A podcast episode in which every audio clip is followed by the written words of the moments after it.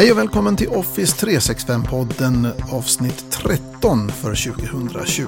I det här avsnittet ska vi prata om certifiering. Om man inte behöver en lärare att fråga ibland så kan man gå en onlinekurs hos någon av de stora leverantörerna av sådana. Och så får vi som vanligt sällskap av Pia Langenkrans för avsnitt 3 av SharePoint-skolan. Och den här gången ska det handla om SharePoint och Teams. De flesta har ju ingen aning om att det ligger en SharePoint bakom som håller i filerna, eh, vilket jag tycker är jättetråkigt. Och så blir det som vanligt nyheter. Jag heter Mats Warnolf och det här är Office 365-podden.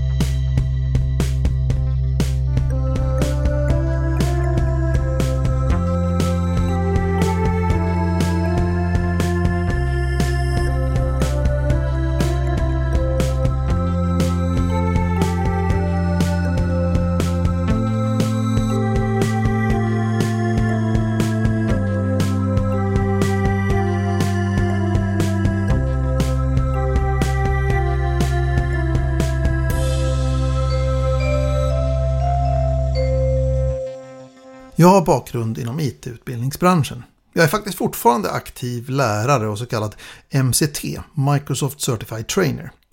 Och som jag pratat om tidigare i podden så har kompetensbevis i form av certifieringar varit en stor del av mitt yrkesverksamma liv.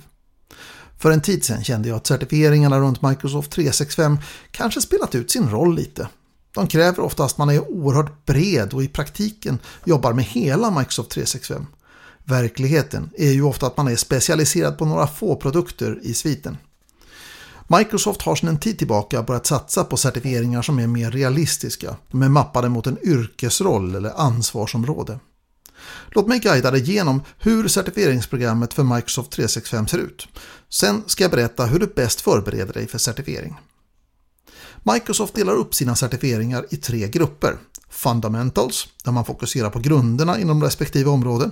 Speciality, här handlar det om specialiserade tekniska kunskaper. Och sist Role-Based, här är det djupa tekniska kunskaper inom en given yrkesroll. För dig som ska börja certifiera dig inom Microsoft 365 så rekommenderar jag absolut att du börjar på Fundamentals-nivån. Och här heter testet MS900, Microsoft 365 Fundamentals. Vi ska prata vidare om det testet om en liten stund, men innan dess ska jag räkna upp de andra testerna för Microsoft 365. Det finns inga certifieringar för Microsoft 365 på speciality-nivån just nu, men det finns sex certifieringar på den rollbaserade nivån. Är du utvecklare så heter testet MS600, Building Applications and Solutions with Microsoft 365 Core Services. Och om du klarade det testet så har du förtjänat rätten att kalla dig för Microsoft 365 Certified Developer Associate under en tid. Ja, du hörde rätt. Certifieringarna är ofta livstidsbegränsade. Teknikutvecklingstakten är obarmhärtig och gårdagens kunskaper blir mindre värda med tiden och därför behöver du hålla din kompetens och dina certifieringar uppdaterade och relevanta. Typiskt behöver du förnya din titel med ett nytt test vartannat år. Är du specialiserad på Windows och de enheter som finns i ett modernt företag och vill certifiera dina kunskaper på det området så kan du bli certifierad med titeln Microsoft 365 Certified Modern Desktop Administrator Associate. Den titeln kräver två godkända test. Det första heter MD100 Windows 10 och testar dina kunskaper om uppgradering, installation, underhåll och konfiguration av Windows 10 på olika enheter. Det andra heter MD101 Managing Modern Desktops och fördjupar och expanderar till frågor runt att hantera alla datorer och enheter på ett företag med dess applikationer, skyddsbehov med mera. Här är det inte bara Windows utan också mobiler och plattor med Android och iOS som vi måste kunna hantera och skydda. Är det mail du jobbar med? Ja, om du spenderar mycket tid med PowerShell och Exchange Admin Center så är titeln Microsoft 365 Certified Messaging Administrator Associate kanske mest åtråvärd. Här krävs det att du klarar testet MS203. Microsoft 365 Messaging. Inställningar och resurser för organisationen, arkitektur, säkerhet, migrering samt mail i hybridmiljö är ämnen som du behöver behärska väl för att klara det här testet. Teams är oerhört het som produkt just nu och djupa kunskaper runt här är också hett eftertraktat. Titeln Microsoft 365 Certified Teams Administrator Associate får du genom att klara ett test som heter MS700 Managing Microsoft Teams. Det du måste behärska här är att kunna planera och konfigurera en Teams-miljö, uppgradera från Skype for Business, hantera telefoni, chattar och möten med inställningar och policies. Du måste också kunna hantera applikationer i Teams och styra vem som kommer åt vad. När det gäller säkerhet i Microsoft 365 så heter titeln Microsoft 365 Certified Security Administrator Associate. Och för att ta dig dit så behöver du klara testet MS500 Microsoft 365 Security Administration. Här prövas dina kunskaper runt identitet, autentisering och auktorisering, informationsskydd och skydd mot yttre hot samt governance och regelefterlevnad i Microsoft 365. Den mest glänsande av titlarna har jag sparat till sist. För att få kalla dig Microsoft 365 Certified Enterprise Administrator Expert måste du först och främst ha klarat av en av de här titlarna som jag redan har nämnt och därefter klara två tester. MS100 Microsoft 365 Identity and Services som kräver att du behärskar uppgiften att designa en Microsoft 365-lösning och att du kan planera en Microsoft 365-lösning för en organisation. Samt begriper dig på identiteter och roller i Azure AD, hanterar åtkomst och autentisering. Sen går du vidare med MS101, Microsoft 365 Mobility and Security, som testar dina färdigheter i implementation av tjänster för moderna enheter, till exempel EMS. Implementation av säkerhet och hantering av hot samt governance och regelefterlevnad. Men tillbaka till det där första testet. MS900, Microsoft 365 Fundamentals. Det här testet är just grundläggande och kontrollerar dina kunskaper runt allmänna molnkoncept som SAS och PAS och de andra molntjänsterna Azure och Dynamics och hur de passar in i pusslet. Vidare så handlar det en hel del om kärnkomponenterna i Microsoft 365 som tjänsterna består av och vilka lösningar man kan bygga upp här. Hur säkerhet, regelefterlevnad och governance fungerar i Microsoft 365. Sist men inte minst behöver du också kunna en del om licenser och beräkning av kostnader för Microsoft 365, hur tjänsterna vidareutvecklas av Microsoft hela tiden och liknande och närliggande ämnen.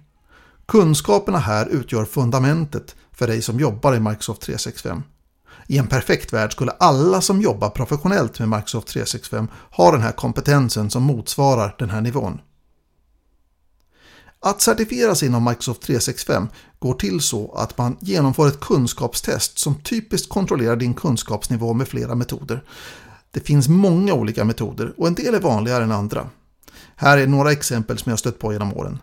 Flervalsfrågor, ja det är det absolut vanligaste. En fråga med ett antal svarsalternativ varav minst ett är rätt svar och ibland är det fler svar som ska väljas. Fallstudie. Ja, de här frågorna inleds med en längre beskrivning av ett scenario eller ett företag. Vi får ofta mängder av information och frågorna som följer testar också vår kunskap genom att pröva vår uppfattning om vad som är relevant för att kunna besvara en viss fråga. Sorteringsfrågor. Ja, här får vi kanske åtta rutor med text och vi får ofta välja vilka av rutorna som är relevanta och sedan lägga dem i rätt ordning i en box med hjälp av dra och släpp. Simulationer. Ja, här får du en mockup av någonting, till exempel ett admincenter för, låt oss säga SharePoint. Och du ska utföra någonting i det här admincentret i rätt ordning i gränssnittet. Hotspot. En bild på något visas och frågan ber dig peka ut någonting på bilden. En del tester är långa med många frågor, kanske 70 stycken över två timmar. Andra är kortare med kanske 40 frågor på 90 minuter. Varje fråga ger en viss mängd poäng och det finns en minimipoäng för att bli godkänd som varierar mellan de olika testerna. Testerna kan genomföras på ett auktoriserat testcenter. De här kan du typiskt hitta hos IT-utbildningsföretag som Cornerstone, Informator eller Lexicon. Du kan boka testet genom att gå till Microsofts sida för testbokning som du kan nå via kortlänken varnolf.link cert. Vad händer om du misslyckas med att klara ett test? Ja, jag har skrivit test många gånger och jag har absolut misslyckats med tester. Ibland har jag misslyckats två gånger med samma test. Det är jobbigt, men det är nästan alltid på grund av att jag inte har givit mig själv tillräckligt med tid för att förbereda mig. Så slarva inte här, man behöver plugga. Men man kan inte heller skjuta på det hela tiden. Jag tycker om att boka ett datum lagom långt fram och därmed ge mig själv lite press att sätta igång och plugga. Och missar du testet så kan du försöka igen efter att ha analyserat vad du var dålig på och vad du behöver kunna bättre inför nästa försök. Du kan göra ett nytt försök efter ditt misslyckande redan dagen efter, 24 timmar senare säger reglerna. Efter ditt andra misslyckade försök på samma test måste du vänta 14 dagar till nästa försök och ytterligare 14 dagar efter det. Och du får försöka max 5 gånger under ett år med start från det datum där du gjorde ditt första försök. Undantag från den här regeln görs bara på grund av tekniska problem med testet. Jag vill också passa på att påpeka att det är en riktigt dålig idé att fuska. Vad räknas då som fusk? Ja, att ta med en fusklapp till exempel. Mobil och liknande får du inte ta med dig in på testet. Detsamma gäller din smarta klocka. Det anses också som fusk om du använt dig av så kallade brain dumps i förberedelserna. Brain dumps är piratkopierade testfrågor från det faktiska testet med eller utan svar som man kan hitta på olika skumma ställen på internet. Påkomna fuskare får naturligtvis inte sitt test godkänt och riskerar att bli av med samtliga sina existerande certifieringar och bli portad på livstid från att skriva nya test. Och det gäller inte bara Microsofts tester. Har du blivit påkommen så underrättar man givetvis alla andra certifierande organisationer och du riskerar då också ytterligare konsekvenser där. Och personligen så kan jag tycka att om man klarar testet utan att ha kompetensen, ja då blir certifieringarna urvattnade och meningslösa. Och vad är då poängen? Så när testet är bokat så är det hög tid att börja med de formella studierna. Det finns mängder av resurser, en del gratis medan andra kostar pengar. Det traditionella sättet är att gå en kurs hos något utbildningsföretag såsom Cornerstone, Informator eller Lexicon. Och samtliga dessa erbjuder möjligheter att gå kurser på distans, vilket ju är praktiskt nu under covid-19-pandemin. Om man inte behöver en lärare att fråga ibland så kan man gå en onlinekurs hos någon av de stora leverantörerna av sådana. Det finns många. De som jag tänker på först och främst är kanske LinkedIn Learning, Pluralsight och Udemy. Microsoft själva erbjuder gratis onlinekurser på Microsoft Learn som du kan nå via kortlänken aka.ms/learn. Jag kan också rekommendera att du köper ett övningstest från till exempel MeasureUp. Det finns framförallt en stor fördel med att göra ett övningstest och det är att du snabbt får koll på vilka områden som du faktiskt behöver plugga mer på inför det riktiga testet. Frågorna på ett övningstest är liknande men de är inte de samma som de som kommer på testet. De prövar dig på exakt samma områden som det riktiga testet däremot. Det är också värt att kolla när du bokar det riktiga testet huruvida du får ett gratis andra försök om du missar på det första. Ibland ingår det ett andra försök, ibland blir det lite billigare med någon slags rabatt och ibland inte. Men att fråga, det är gratis. Jag blir alltid lite nervös på själva testdagen. Det är sällan jag känner mig så säker att jag är helt avslappnad. Men jag känner mig alltid trygg med att jag ansträngt mig och förberett mig väl. Och jag kan bara hoppas att det räcker långt nog för att klara testet. Jag äter typiskt en lättare frukost om jag har test på morgonen eller lättare lunch om jag ska göra testet på eftermiddagen. Man vill inte vara hungrig, men inte heller ha paltkoma. Kom i tid till testet så slipper du stressa. Slappna av, bli klar i huvudet och nu gäller det. Gå på toa och sen är du redo för testet. Du kommer att bli anvisad en testdator i ett speciellt rum. Testvärden loggar in i datorn och förbereder just ditt test. När allt är klart, lämnar värden rummet och du tar ett djupt andetag och så drar du igång testet. När du har besvarat den sista frågan och du känner dig redo så trycker du på knappen för att klarmarkera ditt test och avsluta. Du får resultatet efter några sekunder och när jag tryckt på den här då får jag alltid samma känsla medan den tabulerar resultatet innan den visar upp det. Den känslan är det här kan ha gått hur som helst. Besvikelsen är alltid tung om man inte lyckas, precis som att känslan när man är godkänd är smått euforisk. Ett misslyckande betyder tillbaka till studierna med en bättre uppfattning om vad det är man kan och inte kan. Ett godkänt test är en stolthet. Kunskap är en färskvara. Utvecklingen inom IT den är snabb och obarmhärtig. Det är inte enkelt att klara certifieringar så om vi ska orka studierna så behöver vi nog välja både ämne och certifiering baserat på två saker. Vår nuvarande nivå och vårt intresse. Certifiering är inte för alla, men jag har ändrat uppfattning igen och tycker åter att det är värt investeringen i tid. Nyligen skrev jag och klarade MS700 och kan nu titulera mig Microsoft 365 Certified Teams Administrator Associate. Och jag har redan bokat nästa test.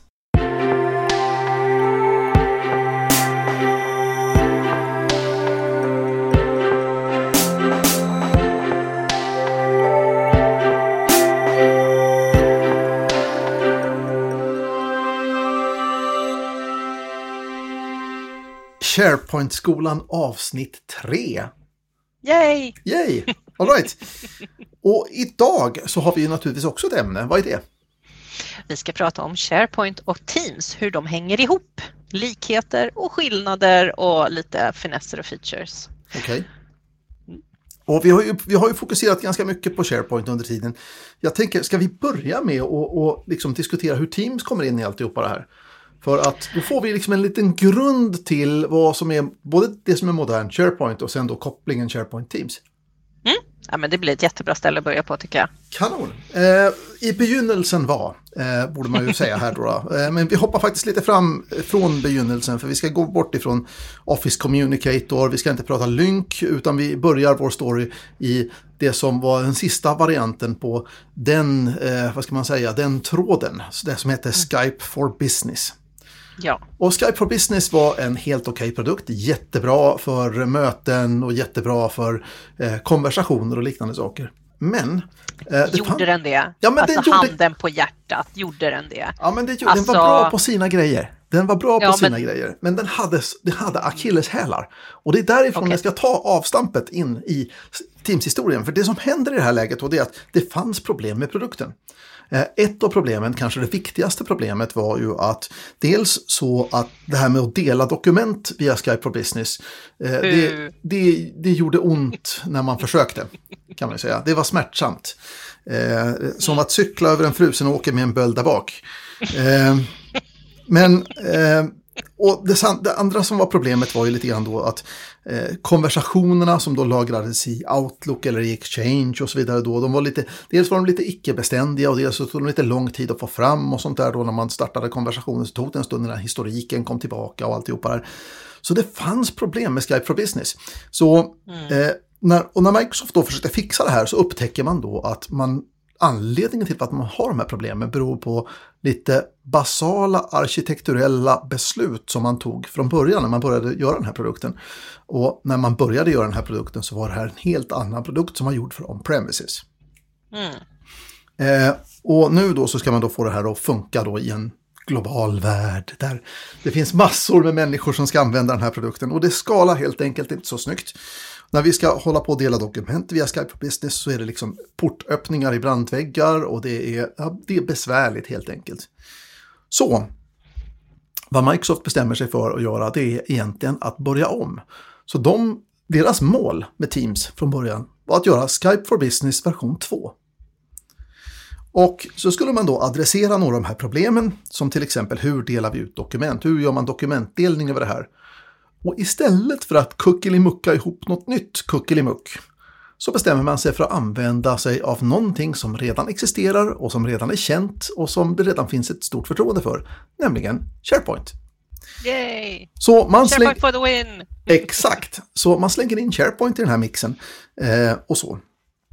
Nu kommer man ju då till nästa bekymmer och det är ju det här, okej, okay, vi slänger in SharePoint i det här, vi ska kunna skapa Ja, då skulle man kunna ha liksom lite mer konsekvent. Då skulle man kunna bygga det för kollaboration.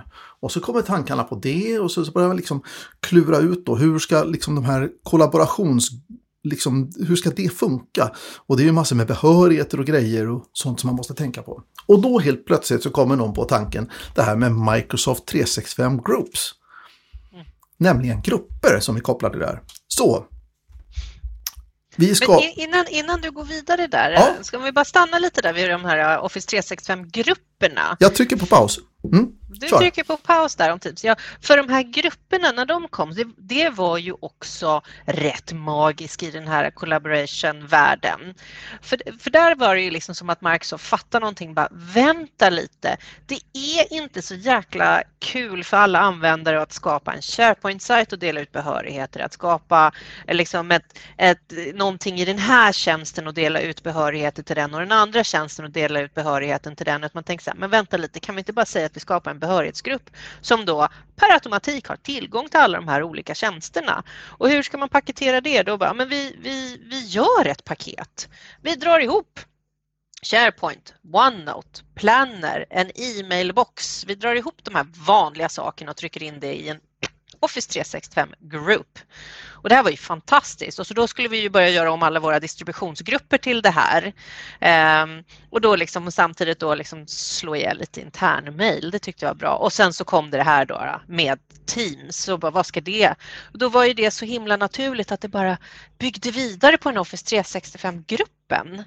Det var, jag, jag, jag, tycker verkligen att Microsoft går från klarhet till klarhet i de här sakerna. Det är ju just det som är grejen, därför att det som var the shit, om man säger så, att det var ju just den här idén bakom Office 365-gruppen. Som idag heter Microsoft 365-gruppen. Eh, mm. De har inte helt fått ihop det, de här killarna på Microsoft och tjejerna. Eh, utan de fort, håller fortfarande på att branda om saker och ting med jämna mellanrum. Så vi, det är väl för att vi ska ha, vara var lite förvirrade och gissa saker och ting och sådär. Men i vilket fall som helst, så de här grupperna, det var ju riktigt genidrag. För nu fick vi helt plötsligt då det som håller ihop alltihopa det här. Så att till ett, ett team så kan vi knyta en planner och den plannern den får behörighet från samma grupp som kommer med teamet. Och SharePoint-sajten som sätts upp för att hantera filerna och dokumenten bakom teamet, ja de knyts, den knyts också ihop med den här gruppen. Så helt plötsligt då så hänger allting ihop.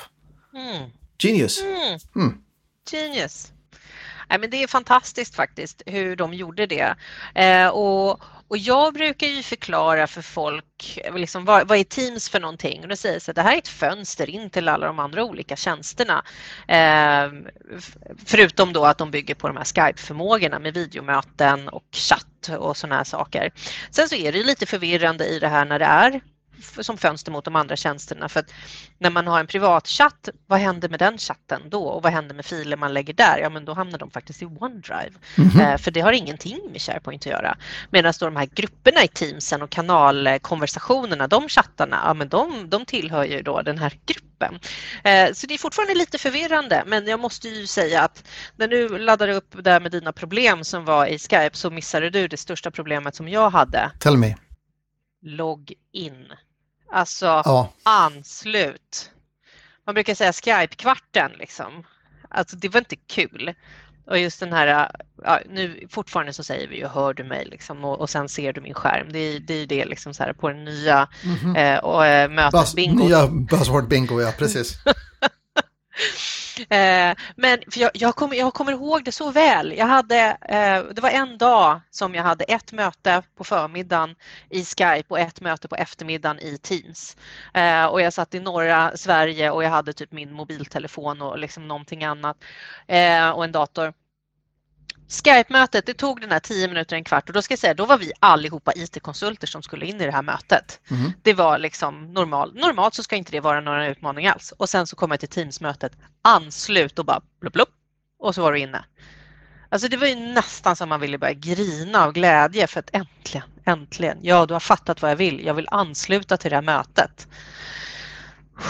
Ja, det har hänt lite. Sen, det, är, det är en fin resa. Det har hänt lite. Teams har ju visat sig vara, vara oerhört viktigt ur de flesta företags synvinklar. Framförallt nu under en sån här pandemisituation så visar sig ju att, att Teams och, och dess konkurrenter, kollegor i branschen så att säga, är ju det som håller ihop företagen i det här läget just nu. Alltså att man kan fortsätta att jobba trots att folk måste sitta hemma och så hosta på sig själva istället liksom. Precis. Och, och dessutom så har ju nu folk börjat fatta lite vad är collaboration. Mm -hmm. eh, för att tidigare så säger vi så här, men samarbete, ja hur svårt ska det vara? Man bara, ja fast det är ju ganska svårt. I och med vi har de här olika tjänsterna med olika inloggning, det är inte alltid single sign-on, vi har tidrapporteringssystem och projektplanen ligger i något annat system och, och massor av olika grejer. Men nu har de så här, jaha, men det ligger i teamet. Jag lägger upp ett dokument, då ligger det i teamet, då har alla andra tillgång till det. Jaha, jag har anteckningarna i teamets anteckningsbok, då kan vi dela våra mötesanteckningar. Jaha, alltså det har ju liksom och det ska väl inte vara så här att jag är någon, något fan av, av eh, corona-epidemin, men det har i varje fall tagit med sig någonting gott. Allt, det är inte bara ont. Utan att vi liksom har fattat det här digitala samarbetet mm. och just hur, liksom, hur Teams då har verkligen stöttat i det hela. Ja, det tycker jag är fantastiskt. Ja, det är stort är det, så är det. Mm. Eh, det, det, är ju, det, det, finns fortfarande en disconnect som folk gör, eller det finns fortfarande ett missförstånd, eh, som en tankevurpa som folk gör när det gäller Teams. Och det är ju när man kopplar på tredjepartsappar i Teams, så tror folk fortfarande, folk tänker sig fortfarande att datat ligger i Teams. Men när vi lägger till tredjepartsappar som till exempel vi kopplar dit vad det nu är, ServiceNow eller så, så det handlar ju egentligen bara om att vi kopplar på en datatransport mellan Teams och den här tredjepartsapplikationen. Datat ligger ju fortfarande i ServiceNow eller vad det nu är för någonting mm. som vi har hängt på. Vi har helt enkelt bara möjliggjort arbetet med ServiceNow genom Teams. Mm. Mm. Ja, och, och sen så, så tycker jag också att med hur Teams liksom har tagit det här med, med flikarna och hur man kan ta in olika saker. Um, det där har folk inte riktigt fattat än hur man, hur man ska göra på bästa sätt, liksom, vilka kanaler man ska uh, skapa och det här. Men, men jag tycker att vi rör oss åt det hållet, att vi börjar skapa en kultur hur de här grejerna hänger ihop, verkligen. Uh, för det är just den där att man förväntar sig, eh, alltså det är många som tänker att okej, okay, jag kan bara visa upp det som är mitt lilla team. Eh, men sen så börjar de förstå att man kan göra andra saker. Och där är ju också då liksom så här, hur hänger det här ihop med SharePoint?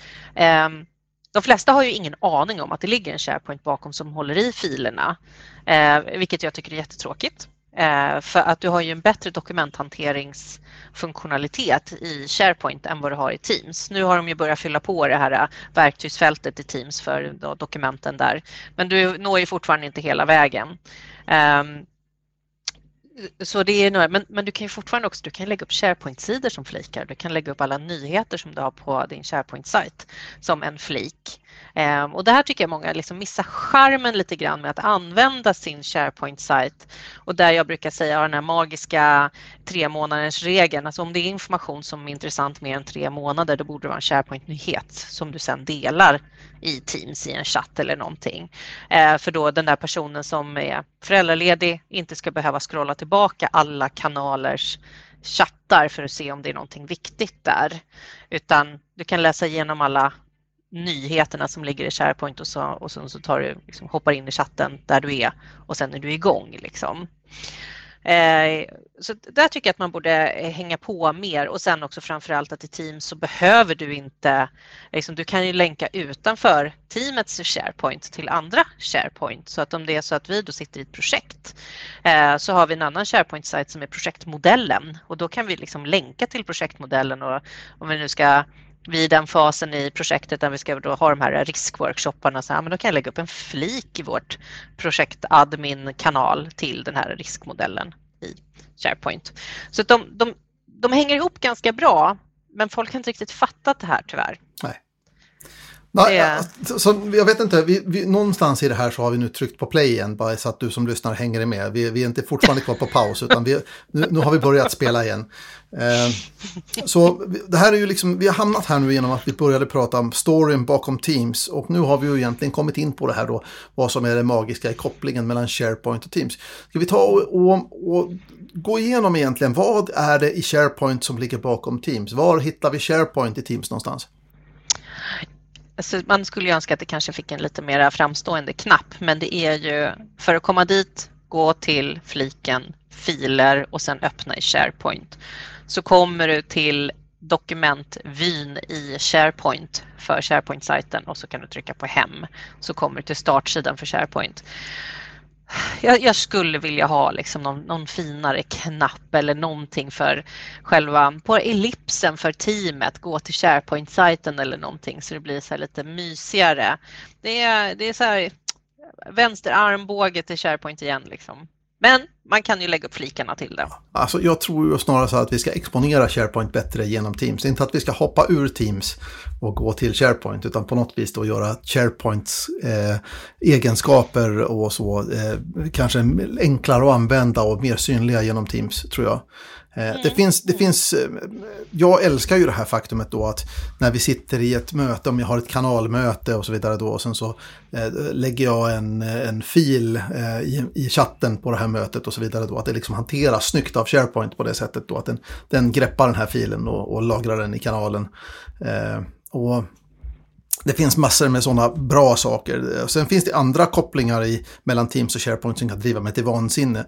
En av dem är ju till exempel den här kopplingen, den stenhårda kopplingen mellan eh, kanalen och namnet på mappen i, dokument, alltså i dokumentbiblioteket som mm. eh, är kopplat till teamet. Eh, säg till exempel att jag då stavar fel när jag skapar kanalen. Eh, försök inte fixa det på något vis. Ta bort kanalen och gör om den. Därför att Börja det, om, ja. Exakt, för det blir bara tokigt. Ja, och nu har jag sett att de har gjort en viss förbättring där. Mm, berätta. Eh, att eh, eh, jag, jag skulle, skulle visa hur, hur ball jag var i den här världen, hur ball man nu kan vara i en nördvärld. jag vet inte. Eh, men jag sa till liksom en kund, jag bara, nu ska ni få se en dålig sak här. Eh, skapa en kanal och så byter du namn och så kommer du få se att det blir liksom ett nytt, eh, ny mapp. Eh, men det blev det inte. Eh, mappen bytte inte namn men den behöll sin koppling. Ja. Och, och och det är ett steg i rätt riktning. Eh, jag skulle vilja se att det var en kanal och blev ett dokumentbibliotek för att man kan byta namn på dokumentbibliotek också. Och då blir det vettigt. Vi får se om Microsoft tycker likadant som jag. Vi får se. Jag får leta reda på en user voice och sen får vi starta en våg i, från den här podden till Microsoft. En kanal, ett dokumentbibliotek. Mm -hmm. Känns t-shirtvänligt. Eller hur? Precis, det är ja. som en sticker liksom på, på ja. datorn. Ja. Eh, ja. Uppskattas. Ja, ja så, vi hittar, så... så... vi hittar SharePoint bakom filhanteringen i Teams kan vi ju säga egentligen då. När vi pratar om en chatt, eh, när, om du och jag chattar i Teams eh, och jag skickar en fil till dig, ja då är det OneDrive. Men när vi mm. pratar om en konversation i en kanal och vi skickar en fil så tas den hand om SharePoint. Ja, precis. Jag hade precis den frågan idag. Jag höll en liten kurs för en kund. Eh, och eh, så fick jag då frågan, så, men vadå? Alltså OneDrive och SharePoint, är det, är det OneDrive eller är det SharePoint? Och, eh, man blir så frestad att säga så här, same thing honey. men det är inte riktigt samma, men, men det är ju, och samtidigt så är det exakt samma. Och ändå inte, eller ja, kan du reda ja. ut det där åt mig Pia? Eh, ja, det kanske jag kan, eller ska vi spara det som en cliffhanger till nästa avsnitt när vi ska prata om eh, dokumenthantering i Microsoft 365? Bra idé, det gör vi. Ja, vi gör det, för det är ett större avsnitt i det hela. Mm. Eh, ja, men då har, vi, då har vi gått igenom att eh, Teams har en SharePoint. Men, men, men man kan ju skapa en SharePoint-sajt bara. Mm. Eller? Ja, det kan man. Och då får man den kopplad till en grupp. Och om man vill, ja. vilket är konstigt. Ja. Ja. ja. Eh, det här är ju eh, välkommen till förvirringen. Ja. Eh, för det är ju många, när du går på via SharePoint och startar en sajt så kan du välja mellan två mallar. Och du kan välja då en communication site eller en team site. Och då när du väljer en team site så får du det med en Office 365 Group som du kan skapa ett Teams av. Jag tycker att det här mellansteget ska man bara hoppa av utan det ska vara en communication site eller Teams. Mm. Liksom. Så det, det, är vad jag tycker, men det är lite grann så här, det är den vägen vi ska gå. Eh, men det är vad som har bubblats upp i den här äh, sidan. Du kan ju skapa många fler SharePoint-sajter, det vill säga liksom, som bara är en intern webbsida som inte har ett team bakom sig. Ehm, och då blir folk så här, varför då? Och det här är ju eh, jättejobbigt att förklara fast egentligen ganska enkelt. Jag menar SharePoint är interna webbsidor ehm, och det är inte alltid att vi samarbetar kring de här webbsidorna. Jag brukar säga så här, skapa en communication site när du har information som ska ut. Um, och det, då brukar jag ta exemplet med personalhandboken. Mm. Vi samarbetar inte om personalhandboken utan om ja, jag får terminalglasögon.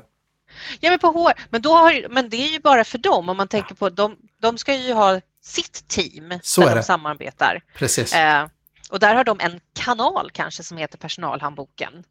Där de sitter och diskuterar, ska vi tillåta terminalglasögon upp till 4 500 kronor eller ska vi hålla oss på 750 kronor? Ja, jag som anställd som ska gå till optiken är inte så intresserad av det där. Jag bara, ge mig ramarna så kan jag gå och boka min tid.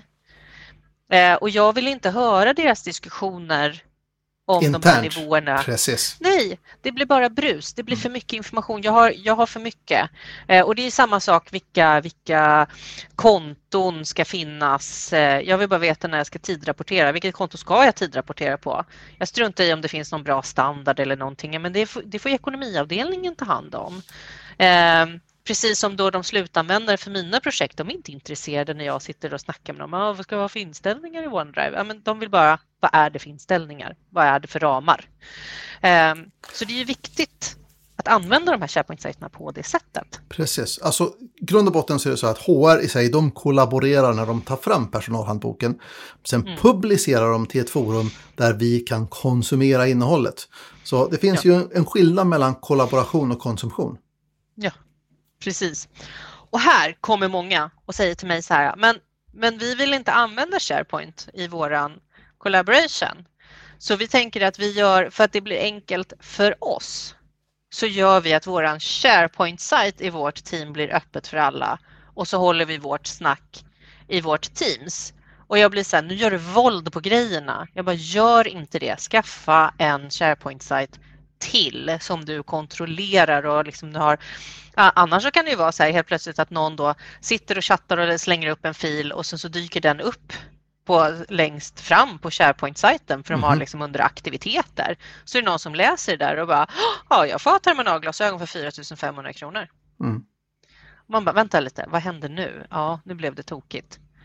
Så att det, det här är en så pet peeve som jag har. Gör, försök inte göra din SharePoint-sajt till den här information utåt teamet till din liksom, samarbete. Håll det separat. Alltså en SharePoint-sajt kostar noll kronor att sätta upp. Mm. Eh, den ingår liksom i abonnemanget. Det är bara ytan, lagringsytan och den är ju densamma. Eh, ja. Spelar ingen roll om vi publicerar på en stor gemensam sajt eller om jag har en min lilla privata kollaborationssajt.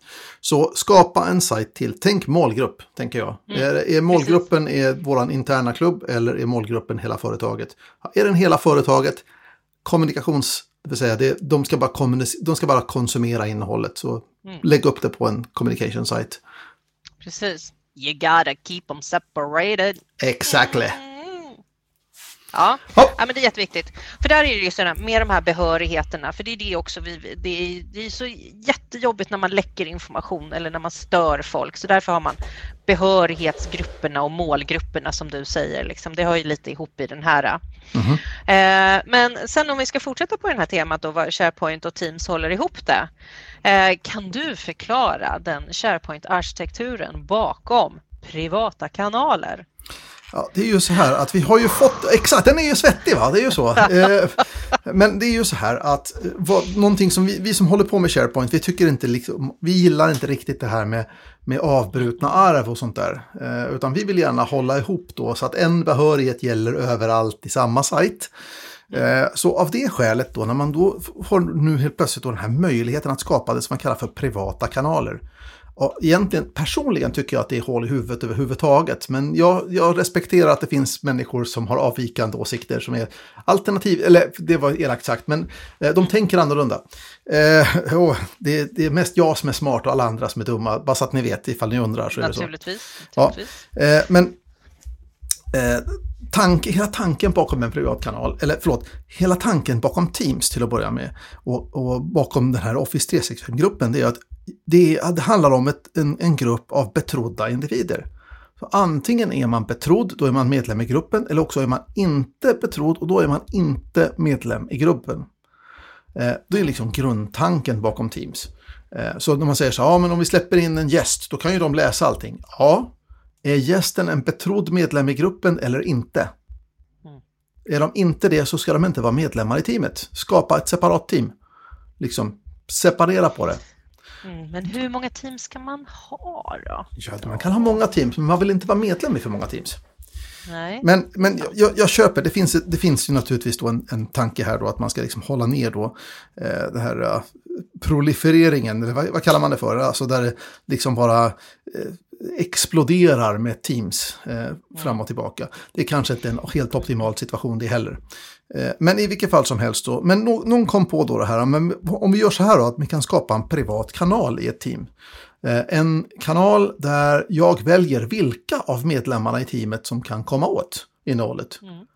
Och det är det man har valt att göra då. Man har skapat då de här privata kanalerna, men vi måste ju fortfarande hantera filerna för den här privata kanalen. För alla features som finns där, de finns ju fortfarande även i, i den privata kanalen. Så mm. då måste vi kunna hantera dokumenten på något vis. Eh, och att då skapa upp något eget dokumentbibliotek och sen så har sådana brutna arv och grejer. Och det är ju liksom som gjort för att det här ska gå på tok. Så jag tänker mm. att det smarta som de faktiskt har gjort, även om jag då i grund och botten är motståndare, jag måste bara säga det. Men om vi nu måste ha privata kanaler, ja då är det väl smart att vi skapar en separat SharePoint-sajt för den privata kanalen. Så vi slipper ha de här spräckta arven i alla fall. Mm. Men hur funkar det? Hur, hur funkar? funkar det på nu? Ja, det funkar så, det vill säga skapar jag en privat kanal så får jag en ny separat sajt för den kanalen. Ja, vänta nu, vänta. Hold, hold the press. Mm. Är det en egen? Jag trodde att det var en subsajt. Nej, det är en helt Nej. egen site collection. Ser du. Jaha, okej. Okay. Ja, jag, jag ogillar båda, ja. det kan jag säga. Eh, jag är ju inte helt inne på ditt resonemang att, att privata kanaler är dåligt. Eh, men eh, hear me out. Börja inte kasta saker här nu på, på mig genom Jag ska bara greppa här. efter några stenar. Ja. Här borta kanske. Nej, men om man tänker, eh, vi tänker scenariot ett projekt. Eh, och så har vi projektledare, projektgruppen och styrgruppen. Och där kan jag tycka att det är vettigt att styrgruppen skulle ha en, en privat kanal som är en subset av den gruppen där man då pratar saker och, och just för den här att den den styrgruppen ska ju ha tillgång till allting som händer i det här projektet. Absolut. Eh, och sen så är det bara några deras diskussioner, till exempel vi, ska, vi behöver banta ner någonting, vi är, kanske blir av med en person och det blir jättejobbigt om man diskuterar att vi behöver bli två personer mindre i det här projektet och då kanske om, om det skulle vara en öppen diskussion för projektet så kanske det skulle störa produktiviteten för helt plötsligt vet jag, jag vet inte om jag ska vara kvar så är det jag kanske, ja sådär jobbigt. Så slutar det med liksom att nej men vi bestämde att vi sköt till mera pengar till projektet. Ah, ja, men om den tiden, eh, under den tiden så kan man ha skadat projektet. Eh, men, men det som är viktigt är ju liksom då att det är den här stora gruppen och så är det en del av den stora gruppen som du kan ha en privat kanal i. Det är vissa människor som trodde att men gud vad skönt, nu har jag privata kanaler. Det betyder att jag kan skapa den här kanalen eh, för liksom extranätsfunktionaliteten, att skapa en privat kanal och så bjuda in folk bara till den kanalen. Och man bara, nej, det är inte så det funkar. Och då blev det också så här jättetokigt. Eh, men i varje fall så har man så här i det här teamet, då skapar man ju liksom arkitekturellt mässigt på baksidan liksom en ny SharePoint-sajt, en ny SharePoint-plats med nya behörigheter. Och så är det ju också så där tokigt så att om det är ägaren som skapar den här privata kanalen, då är det jättefint, jättebra. Eh, men om du är som medlem och du får skapa kanaler och gör den privat, då blir det alltså så att ägaren till teamet kan inte komma in och hantera den där privata kanalen. Precis. du blir utstängd. Mm. Och eh, Eh, och, och, sen så om du ska försöka göra någonting där, men då är det stängt liksom, och det går inte att byta namn. Och, ja, det ena med det tredje. Och, och det går inte att göra en privat kanal öppen. Eh, för men annars är det här någonting som man brukar göra i SharePoint. Man, säger, man, man skapar det stängt eh, och sen så när man är klar så öppnar man upp.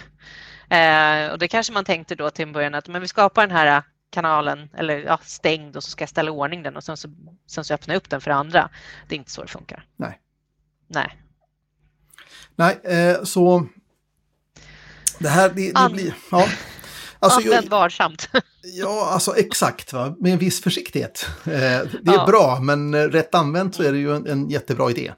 Och, mm. det, och jag gillar idén, jag, jag har bara andra åsikter om hur den ska åstadkommas. Jag hade ju tyckt mm. att det var smartare att ha ett separat team. Jag förstår naturligtvis då att eh, om jag ska ha dubbla team för allting jag är med i så är inte det så kul rent användargränssnittmässigt. Men det är inte där administratörerna brukar bråka, utan administratörerna brukar bråka om att det blir för många sajter och det blir för... Dö, dö, dö. Ja, fast nu får du ju en sajt för privat för den privata sajten i alla fall, ju. alltså privata ja. kanalen i alla fall. Så att, eh, jag vet ja. inte. Eh, vi kan helt enkelt var... konstatera att det finns olika sätt att lösa det här problemet. Man skulle kunna göra så att man skapar en privat kanal. Det skulle kunna vara så att man lägger ett separat team och välj den varianten som passar bäst ja. just dig. Mm. Men, precis, men, men använd det varsamt eh, och jag tycker ju liksom att jag, jag kommer ihåg när Microsoft började prata att de skulle införa privata kanaler. Jag tyckte det var en strålande det och sen när den kom och de blev öppna med arkitekturen och jag bara What the hell? Nu ska, nu ska jag inte gå så långt och säga att de röker crack på huvudkontoret på Microsoft, men jag var, jag var lite ifrågasättande till arkitekturen bakom. Ja, men jag är inte bitter, jag vill bara säga det till allihopa, jag är absolut inte bitter. Vi har faktiskt egentligen bara en sak kvar att beröra i den här Teams och SharePoint kärleksdanshistorien. Tell me all about it. Det är ju det som kommer med SharePoints intranätsknapp i Teams. All right, berätta. Ja, men det är ju tan tanken i här och det här tycker jag är jättefint. För det är ju så här, i då, om vi går tillbaka liksom till att tänka att Teams är ett fönster ut till alla andra tjänster och just så här intranät. Ska vi ha det i Teams? Jag säger nej, det ska vi inte ha i Teams, vi ska ha det i SharePoint. Men hur får vi in det här då, då i Teams som vi alltid ska lägga upp flikar? Då blir det väldigt knasigt och rörigt och då kommer det komma eh, precis i de här eh, funktionsknapparna som vi har med notifieringar och kalender. Och de längst till vänster helt enkelt. Ja. Precis, och där uppe så kommer det komma en SharePoint mm. då, som då ska peka till intranätet som du bygger upp på SharePoint och en home site ska vi ha där. Mm. Coolt! Coolt. Ja, och vi, och vi kommer ju också återkomma nu. Nu tittade jag här lite snabbt på vad vi ska prata om framåt. Ehm, just det här med, vi, vi kommer återkomma till vad en SharePoint Home-site är för någonting och hub-sajter. Ehm, men då är tanken att då, då ska du liksom ha den där knappen så kommer du direkt till intranätet ifrån ditt Teams. Perfekt, perfekt. Ja. Tack så jättemycket Pia. Eh, super, eh, som alltid. Eh, och själv, Ja, och sen så eh, hörs vi eh, i nästa episod och då ska det ju handla då om det här med dokumenthantering i Microsoft 365! Yay! Och då ska vi gå igenom alla features, hur versionshanteringen funkar, hur många versioner den hanterar. Vi ska gå och kika på... Ja, vi kommer dit. Ja, men det tar vi. Det tar vi nästa gång. Det kommer bli spännande. Tills dess! Hey everyone, I'm Lisa Rasmussen and I'm the host of Wit Girls podcast. In our show, we share news and our own experiences from working with the Microsoft 365 Cloud and with a special focus on SharePoint and Teams. WIT stands for Women in Tech, but this podcast is not only for women. It's for anyone who wants to learn about these apps and how you can use them like we do daily. Sometimes we have interesting guests on the show that shares their story and knowledge. You can also hear us talk about our current projects, how we solve a certain problem, or we can deep dive into a specific topic. You'll find us on Spotify, iTunes, Podcaster, or any other podcast platform by searching for IT Girls. And while you are there, don't forget to subscribe to us so you don't miss out on new episodes. Or go to witgirlspodcast.com. Cheers!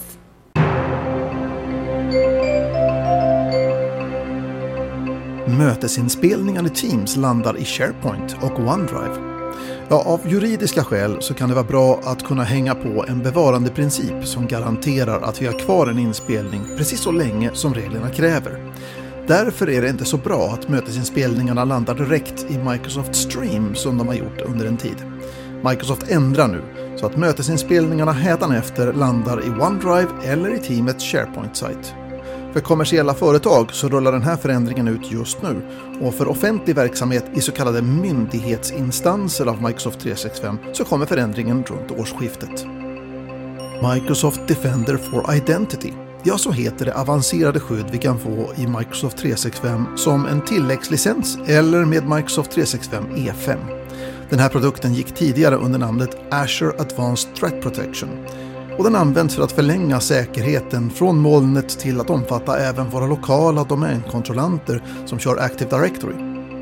Den här produkten vidareutvecklas precis som allt annat och nu har Microsoft annonserat att den bland annat redan från början ska kunna upptäcka misstänkta medlemsförändringar i känsliga grupper och att den ska kunna upptäcka nya sätt att utöva kända angrepp såsom Golden Ticket över AES samt NetLogon Elevation of Privilege de här attackerna är kända sedan tidigare och det finns ett visst skydd mot dem redan idag. Men Microsoft vässar på skyddet och lovar ännu bättre detektion och skydd i mars 2021. Säkerhetsetiketter på våra dokument ger goda möjligheter att skydda informationen från att läcka ut.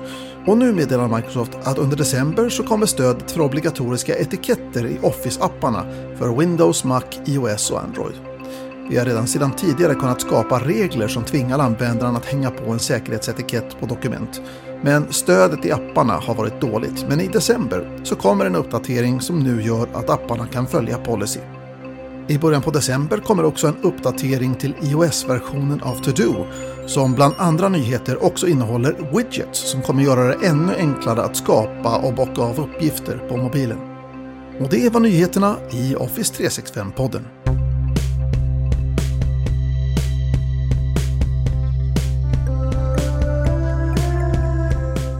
Och det var allt ifrån Office 365-podden för den här gången. Tack till Pia Langenkrantz som du hör även i nästa episod av Office 365-podden då med ett nytt avsnitt av SharePoint-skolan. Och så ska du få träffa Lise Rasmussen som är programledare för en annan podcast som heter Wit Girls Podcast som också har fokus om Office 365. Det var allt för mig. Jag heter Mats Warnolf. Vi hörs. Hej!